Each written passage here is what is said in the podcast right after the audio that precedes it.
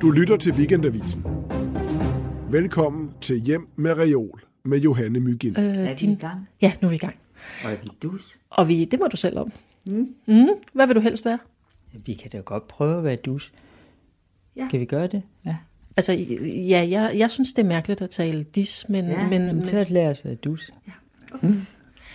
godt. Jeg er nu hjemme hos Madame Nielsens bogreol, og jeg vil bede dig om at starte med at beskrive din bogreol for mig. Både hvordan den ser ud, og hvad der er for nogle bøger på den. Jo, Johanne, ja, det er faktisk øhm, min bogreol, selvom det ikke er mit hjem. Øh, jeg har ikke rigtig noget fast hjem, men øh, jeg har bøger i en del huse, også her i Danmark. Et i Jammerbugten og en lejlighed inde i København, og jeg har nogen øh, hos nogen bekendt i Odense.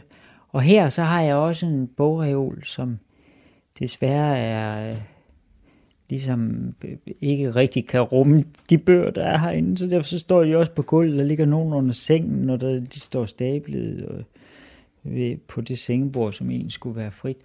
Øhm, men der er i hvert fald en masse også på reolen, og der tror jeg, nogle af de vigtigste er. Nej, Norens dagbøger, de ligger derom, og de er ved Gud vigtige. Og hvad er det for nogle bøger især, der står på denne her reol? Er der et system i, hvilke bøger du har stående hvor? Nej, nej, nej, det er der ikke. Altså, dem, øh, jeg skriver meget i det, det øh, mange af mine bøger er skrevet, en stor del af dem i hvert fald, øh, skriften i dem er skrevet i sådan et, et sommerhus ved Jammerbugten, øh, som jeg må bruge øh, billigt, når, øh, når der ikke er nogen andre, der vil bruge det. Øhm, så der er en del af dem, jeg sådan ligesom bruger, når jeg skriver. Men det gør jeg jo hele tiden, så øhm, altså, så vidt jeg kan se her, er der en del udenlandske øh, bøger. Det er sådan lidt tilfældigt, hvad der er kommet til, efter jeg er kommet til i det her, øh, har fået øh, mulighed for at være i det her værelse, så øh, er det de bøger, der er kommet til her, og nogle gange har jeg transporteret dem også mellem de der forskellige steder, jeg er. Så alle de her bøger, som blandt andet er Hertha Müller og Nietzsche og Ernst Junger og sådan, er det især øh, bøger, du har brugt i forbindelse med din sidste bog? Nej, nej, nej, slet ikke. Øh, det er bare øh, øh, bøger, som er gode, og øh, som jeg aldrig vil skille mig af med, og som nogle gange alligevel bliver nødt til at skille mig af. Og så er der også nogen, som ligesom er der tilfældigt lige for tiden, og som egentlig nok ikke er gode, og som snart ryger ud. Det gælder også om, det er, jeg har det svært med, jeg vil hverken eje eller have nogen ting i den her verden, bortset fra mine øh, musikinstrumenter, og så bøger har jeg også en vis ting, men jeg kan ikke, bryde mig ikke om at gå i butikker, men boghandler og biblioteker. Forsøger at holde mig fra, fordi det er meget svært at komme ud igen, hvis jeg er kommet derind.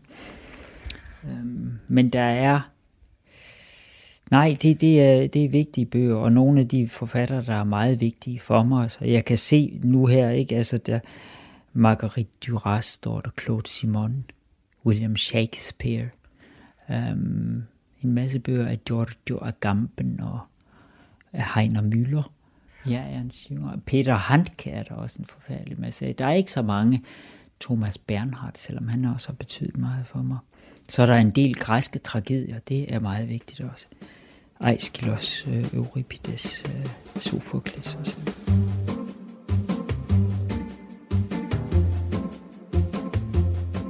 Velkommen til Hjem med Reol. Det er øh, en podcast, hvor vi er taget hjem til de 10 nominerede til Weekendavisens litteraturpris for at se på alle de bøger, som måske har lidt frem til den bog, som øh, de i dag er nomineret for. Og jeg er hjemme hos Madame Nielsen, som har skrevet bogen The Monster. Johanne Mygind har givet forfatterne en opgave. Find de bøger på reolen, som har haft særlig betydning for dit liv og forfatterskab. Og øh, jeg var oppe og tale med min bogredaktør om alle de bøger, der var nomineret, og hvad der var blevet sagt, og hvorfor de var blevet nomineret. Og han sagde sådan, det er en, han sådan spærrede øjnene op nærmest og sagde, det, det er en utrolig god bog, øh, og den er altså virkelig foruroligende, og altså jeg synes, den er virkelig, virkelig, virkelig god stilistisk, men jeg ved ikke, om, om jeg vil anbefale nogen at læse den, for det, det er en meget ubehagelig bog. Nå, jamen jeg håber, den er forførende ubehagelig. Øhm, ja, det er jo klart, altså hvad hedder det, ja. jo, man skal altid øh, anbefale nogen at, at læse noget, der er, er på en meget vigtig måde er foruroligende. Fordi vi skal jo ikke bare udsætte os selv for, øh, for hvad skal vi sige, øh, for øh, vat og, øh, og chokoladeplæskner. Der skal, der, vi, skal, vi skal alle sammen møde livet, ikke? Vi kan jo ikke sidde og se øh, vild med dans. Øh, er, der, er der lidt en nydelse for dig i at skrive noget, som du tænker vil forurolige nogen? Øh, nej, jeg tænker ikke. Da jeg skrev den, tænkte jeg overhovedet ikke, at den skulle forurolige nogen. Øhm, slet ikke. Så, det, så det, er, det, det er slet ikke noget med det at gøre, men jeg forsøger det vel altid at skrive noget, som, som overskrider grænsen for det, jeg selv forstår, og det, jeg selv ved. Og jeg også, og det samtidig bevæger sig ind i nogle områder, der er fascinerende, men hvor man også heller ikke ved, om man vender levende tilbage igen. Ikke? Man, det må, man må sætte livet på spil her i livet, ellers er det ikke noget liv. I alle de vigtige bøger, jeg har læst, er der noget, der er ubehageligt, og noget, der er smertefuldt, og, øh, fordi det er, en, det er en del af livet og af verden, og vi, det en, alle de store romaner, jeg har læst, og små romaner, men som er store, selvom de måske er på en side, øh, de rummer også det ubehagelige i verden, fordi ellers er de løgn. Øhm, den, den er helt sikkert uhyggelig på nogle... Det er jo en New York-gyser, og den er helt sikkert uhyggelig og også ubehagelig, men ikke bare for at, at, at, øh, for at være det. Altså, jeg var ikke ude på at skrive noget, der skulle være ubehageligt. Jeg var ude på at... Ja, det ved jeg faktisk ikke, hvad jeg er ude på. Men i hvert fald blev jeg fascineret og grebet af undervejs af, af det her med at skrive en New York-roman. Og fordi New York er i den grad sådan et, et fantasme, et, en, det er en europæisk drøm jo. Det er jo ikke nogen amerikansk by, det er en europæisk drøm. Og øhm, vi kender den alle sammen. Selv første gang man kommer til New York, har man jo været der før. Og, og øh, så lader jeg en anden verden folde sig ud ind i det der New York. Og den handler, det handler mere om, om hvad, et men, hvad mennesker er. Øhm, og hvad der er virkeligt, og hvad der er drøm, og hvad der er... Øh, det handler måske også en måde om, hvad, hvad er et menneske, og hvad kunne et menneske være? Hvordan kunne vi blive noget andet end det, vi er? Øhm, så det er faktisk de helt store spørgsmål, som samtidig bliver fortalt forførende, sådan at man ikke, hvad skal vi sige, alle de filosofiske lag, dem, dem kan man øh, godt ligesom læse igennem, og bare, øh, bare, øh, øh, bare blive grebet af handlingen. Og det der, men, men det er måske også sådan, at, i, at hvis, man, hvis man undersøger, hvad et menneske er og kan blive til, så bliver man nødt til ligesom at undersøge både det ubehagelige og det, øh, altså, øh, og samtidig forfører. Altså. Ja, og, og især undersøge det, det fremmede i det velkendte. Øhm, at der er jo ikke noget mere vidunderligt uhyggeligt, end når det, man tror, man kendte så godt, lige pludselig viser sig at være noget helt andet. Ikke? Det er jo sådan en rigtig en, en klassisk gysereffekt, at, øh, det, at det velkendte, øh, den man troede, man kendte allerbedst, viser sig at være The Monster. Men nu går vi jo lige til din reol, og der står ja. ikke nogen klassiske gyser. Du har Nej. valgt, jeg har jo sendt dig som alle de andre. Jeg læser aldrig gyser. Jeg læser aldrig kriminalromaner eller gyser, som står at de, uden på, at de er gyser. Nej, nej. Men, øhm, men der er til gengæld kan jeg se nogle lidt uhyggelige bøger. Jeg har sendt dig nogle spørgsmål ja. om, øh, om, øh, om de bøger, der har været vigtige for dig. Ja. Og du har faktisk været lidt streng, fordi du svarede sådan, at der var tre kategorier, du kunne svare på. Det var en bog, du havde læst igen og igen, og en bog, der havde ændret din måde at skrive på, og en bog, Nej, som du aldrig var blevet færdig med. Jo, det er rigtigt, ja. ja. Og, der, ja. og der skrev du, det kunne du måske svare på. Jamen, og ellers så havde du ikke nogen bud. De andre, de har sådan pligtskyldigt skrevet, hvad for nogle bøger, der så kom op i deres hoved. Men jeg, jeg ved ja. slet ikke. Jeg er helt blank. Det er der også. Nu er jeg spændt på, hvad der sker nu. Øh, hvad skal jeg svare på? Prøv at stille et spørgsmål. Så. Jeg vil foreslå, at du starter med at svare på at finde en af de bøger, som du har læst igen og igen på din bogreol. Ja, øh, den er der nok ikke. Øhm, hvad hedder det? Jeg tror, at noget, der er øh, karakteristisk for min måde at læse på, at det måske ikke er en bestemt bog, men det nok meget er vis forfatter eller forfatterskaber, jeg bliver ved med at vende tilbage til. Og det har noget at gøre med, at der er en stemme, eller en særlig stemning, eller at verden stemmes på en særlig måde inde i øh, de, de bøger. Så i stedet for at tage en op, så vil jeg ligesom prøve lige at at tage nogen ud. Og nu tager jeg først en, der ikke står i reolen heromme. Der ligger, og nu bliver det tungt. Der ligger øh, tre bibler her, og det er Lars Norens dagbøger. Øhm, det er den øh, største nulevende skandinaviske forfatter, som aldrig har fået Nordisk Råds litteraturpris, øh, Lars Noren. Han har siden 2001 er han gået i gang med at skrive sin dagbog. Ikke som de fleste skriver dagbog, men han, da han gik i gang, så lavede han først en, så han for at få en kontrakt med sit forlag, Bonniers, om sikkert at få en helvedes masse penge for det. Øhm, og så skrev han løs, og, og, og og, og hvorfor er det dagbogen, der er blevet Bibelen, og ikke teaterstykkerne? Øh, fordi det er det bedste, han har skrevet, synes jeg. Ja. Han har også øh, skrevet gode digte, øh, i sin, især i sine unge år. Øh, de, de er... Øh, altså, jeg læser meget langsomt. Jeg læser højt ind i mig selv. Jeg er ikke i stand til at læse en vejrudsigt hurtigt. Jeg kan ikke læse på skrå eller skimme. Jeg, der, er sådan, jeg læser, der er sådan en stemme inde i mig, så derfor så når jeg ikke at læse ret mange bøger, inden jeg om et øjeblik er død.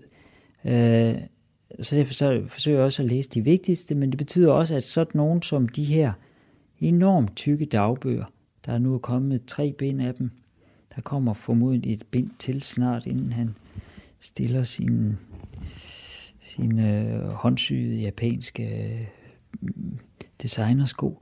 Øhm, så vil jeg aldrig kunne blive færdig med dem. Så derfor er det nogen, der jeg ligesom læser i nogle perioder, og så pludselig bliver jeg ekstremt træt af Lars Norén, og kan ikke holde ham ud, og smider den fremme og samler den pænt op igen og stiller den ind.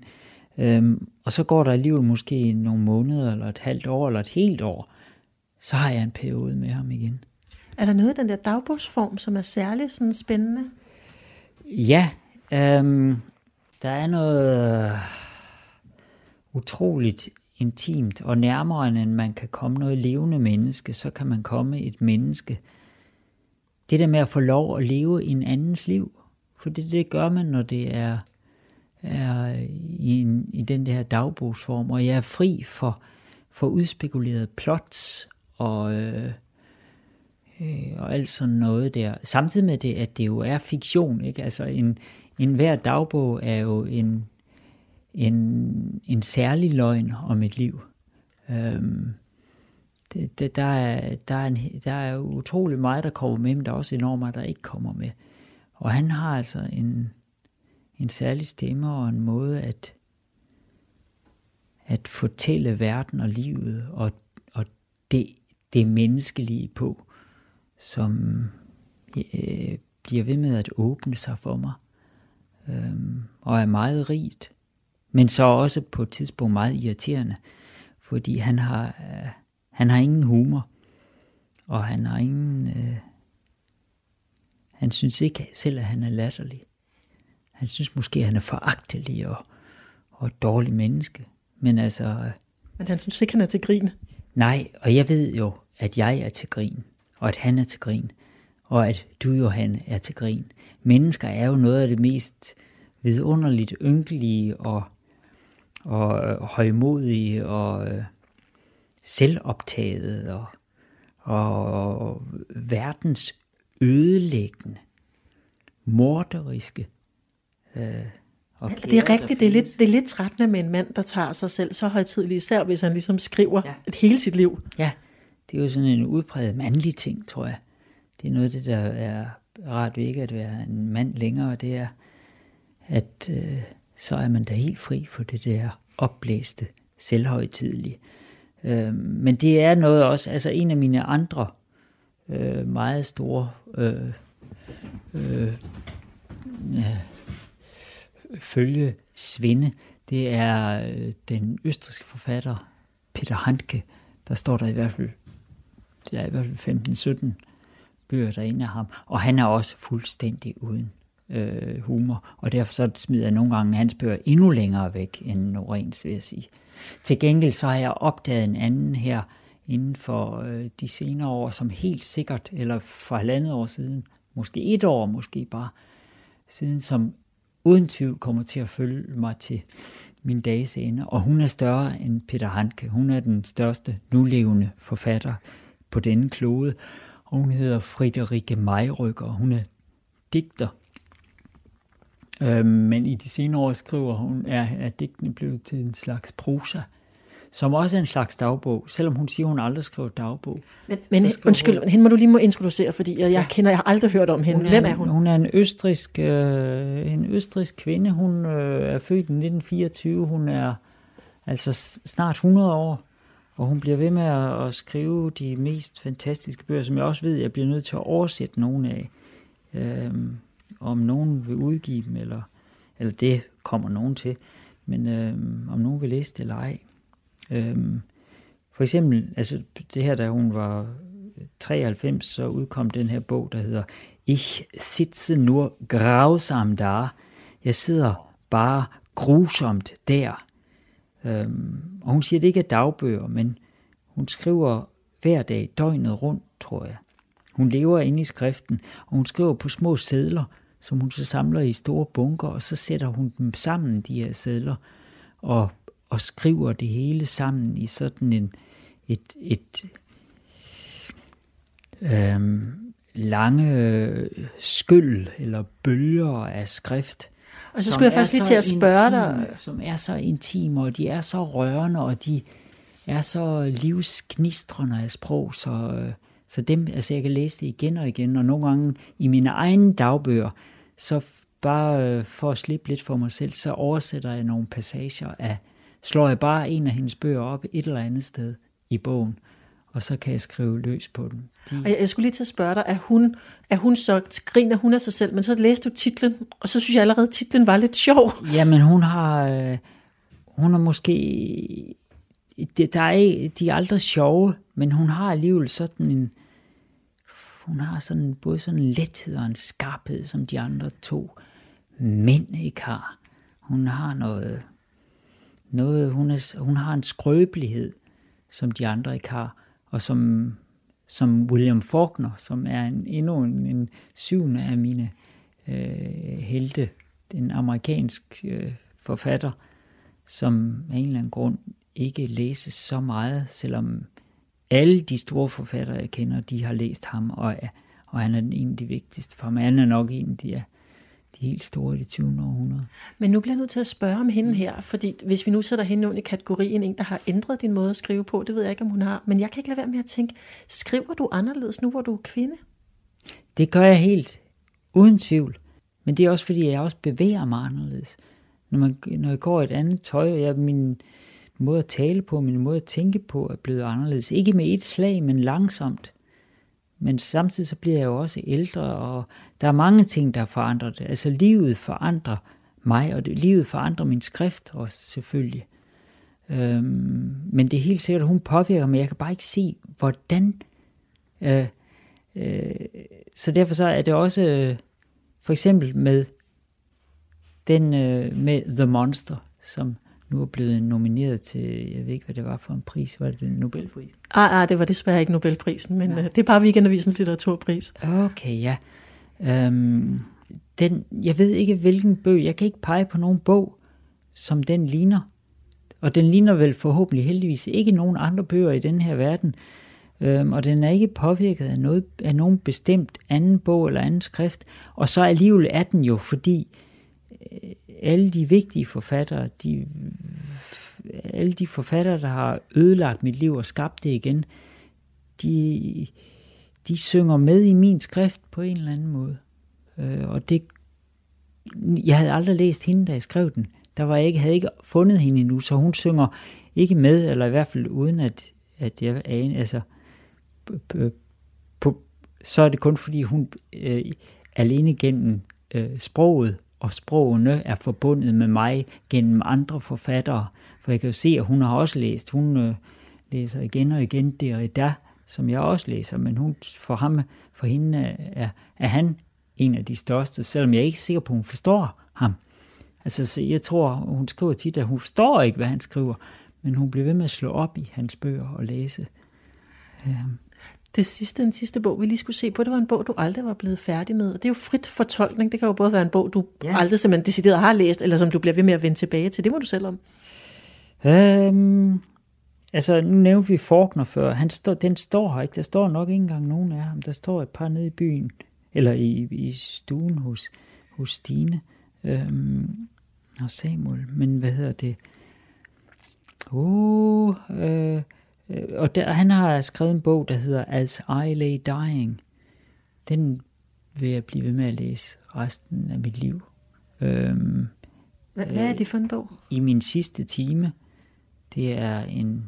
Uh, det er ikke en lige så god, øh, det er ikke en lige så god dansk oversættelse. Nej, nej, I min nej. sidste time, var? Ja, nej. nej, overhovedet ikke. Og det handler det, det handler nu heller ikke. Altså, nemlig det er noget sludder. As I lay dying, da jeg lå døende. Øhm, det er en bog, der foregår i, i sydstaterne i USA, i, i et landhus langt ude på landet, blandt nogle meget, meget fattige øh, øh, hvide mennesker, en familie, og hvor moren hun ligger for døden, og uden for hendes vindue, der er øh, en af sønnerne, som er tømrer, ligesom Jesus selvfølgelig, er, er i gang med at tømre hendes kiste. Det kan hun høre øh, fordi han synes, hun skal have en god kiste. Øh, og den, den består af, af små kapitler, hvor, hvor hver af familiens medlemmer, deres stemme har, altså så står der for eksempel øh, øh, Dan, og så taler Dan. Altså det er sådan nogle monologer, som øh, ja, de, de kan blive ved. Og der er for eksempel en, en, en sætning, som tit har sunget i mig, som bare, der det allerkorteste kapitel er kun én sætning, øh, og det er øh, familiens yngste dreng, som, siger, som hedder Varderman. Øh, og øh, i hans monolog, eller hele det kapitel, det lyder som følger. øh, My mother is a fish. Min mor er en fisk. Og det har jeg tit gået og sagt. My mother is a fish. Det er en fantastisk øh, sætning. Hvad, hvad kan den sætning? Den kan jo det, som sproget kan, og det er allerbedst. Den kan øh, sige noget, der overgår min forstand, og, øh, øh, og, og er urimeligt. Det gode ved litteraturen, det er, at den, den er komplet urimelig. Det er kunst, altså. Når, når, når der står noget, som er uimodsigeligt og samtidig umuligt, som er ens mor er en fisk. Ja, min mor er en fisk. Punktum. Nu ringer din telefon, Johan. Ja, men i virkeligheden, så vil jeg også faktisk øh, slutte podcasten her, så kan det være, at jeg kan tage den bagefter telefonen. Fordi nu fik jeg faktisk utrolig meget lyst til at læse den bog. Ja, det skal du også, og det skal øh, I også, øh, lyttere, læsere. I skal læse As I Lay Dying af William Faulkner og The Monster af Madame Nielsen. Og Johannes skal også læse begge de bøger. Og hun behøver ikke engang tage telefonen, for den er holdt op med at ringe. Madame Nielsen, rigtig mange tak for, at jeg måtte komme og se din bogreol. Selv tak, og kom godt hjem. Du har lyttet til Hjem med Reol. Læs mere om de 10 nominerede til Weekendavisens Litteraturpris 2018 på weekendavisen.dk-litteraturpris. Her kan man også afgive sin stemme frem til den 15. januar. Man skal være abonnent på Weekendavisen for at stemme. Man kan også deltage ved at indsende stemmesedlen fra den trygte avis, eller ved at sende en mail, inklusive abonnementsnummer, til mail litteraturpris weekendavisen.dk.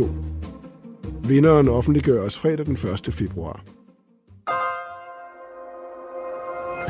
Optagelse og tilrettelæggelse Johanne Mygind. Redigering og klip Silke Fensmann. Musik Peter Christian Sejersbøl.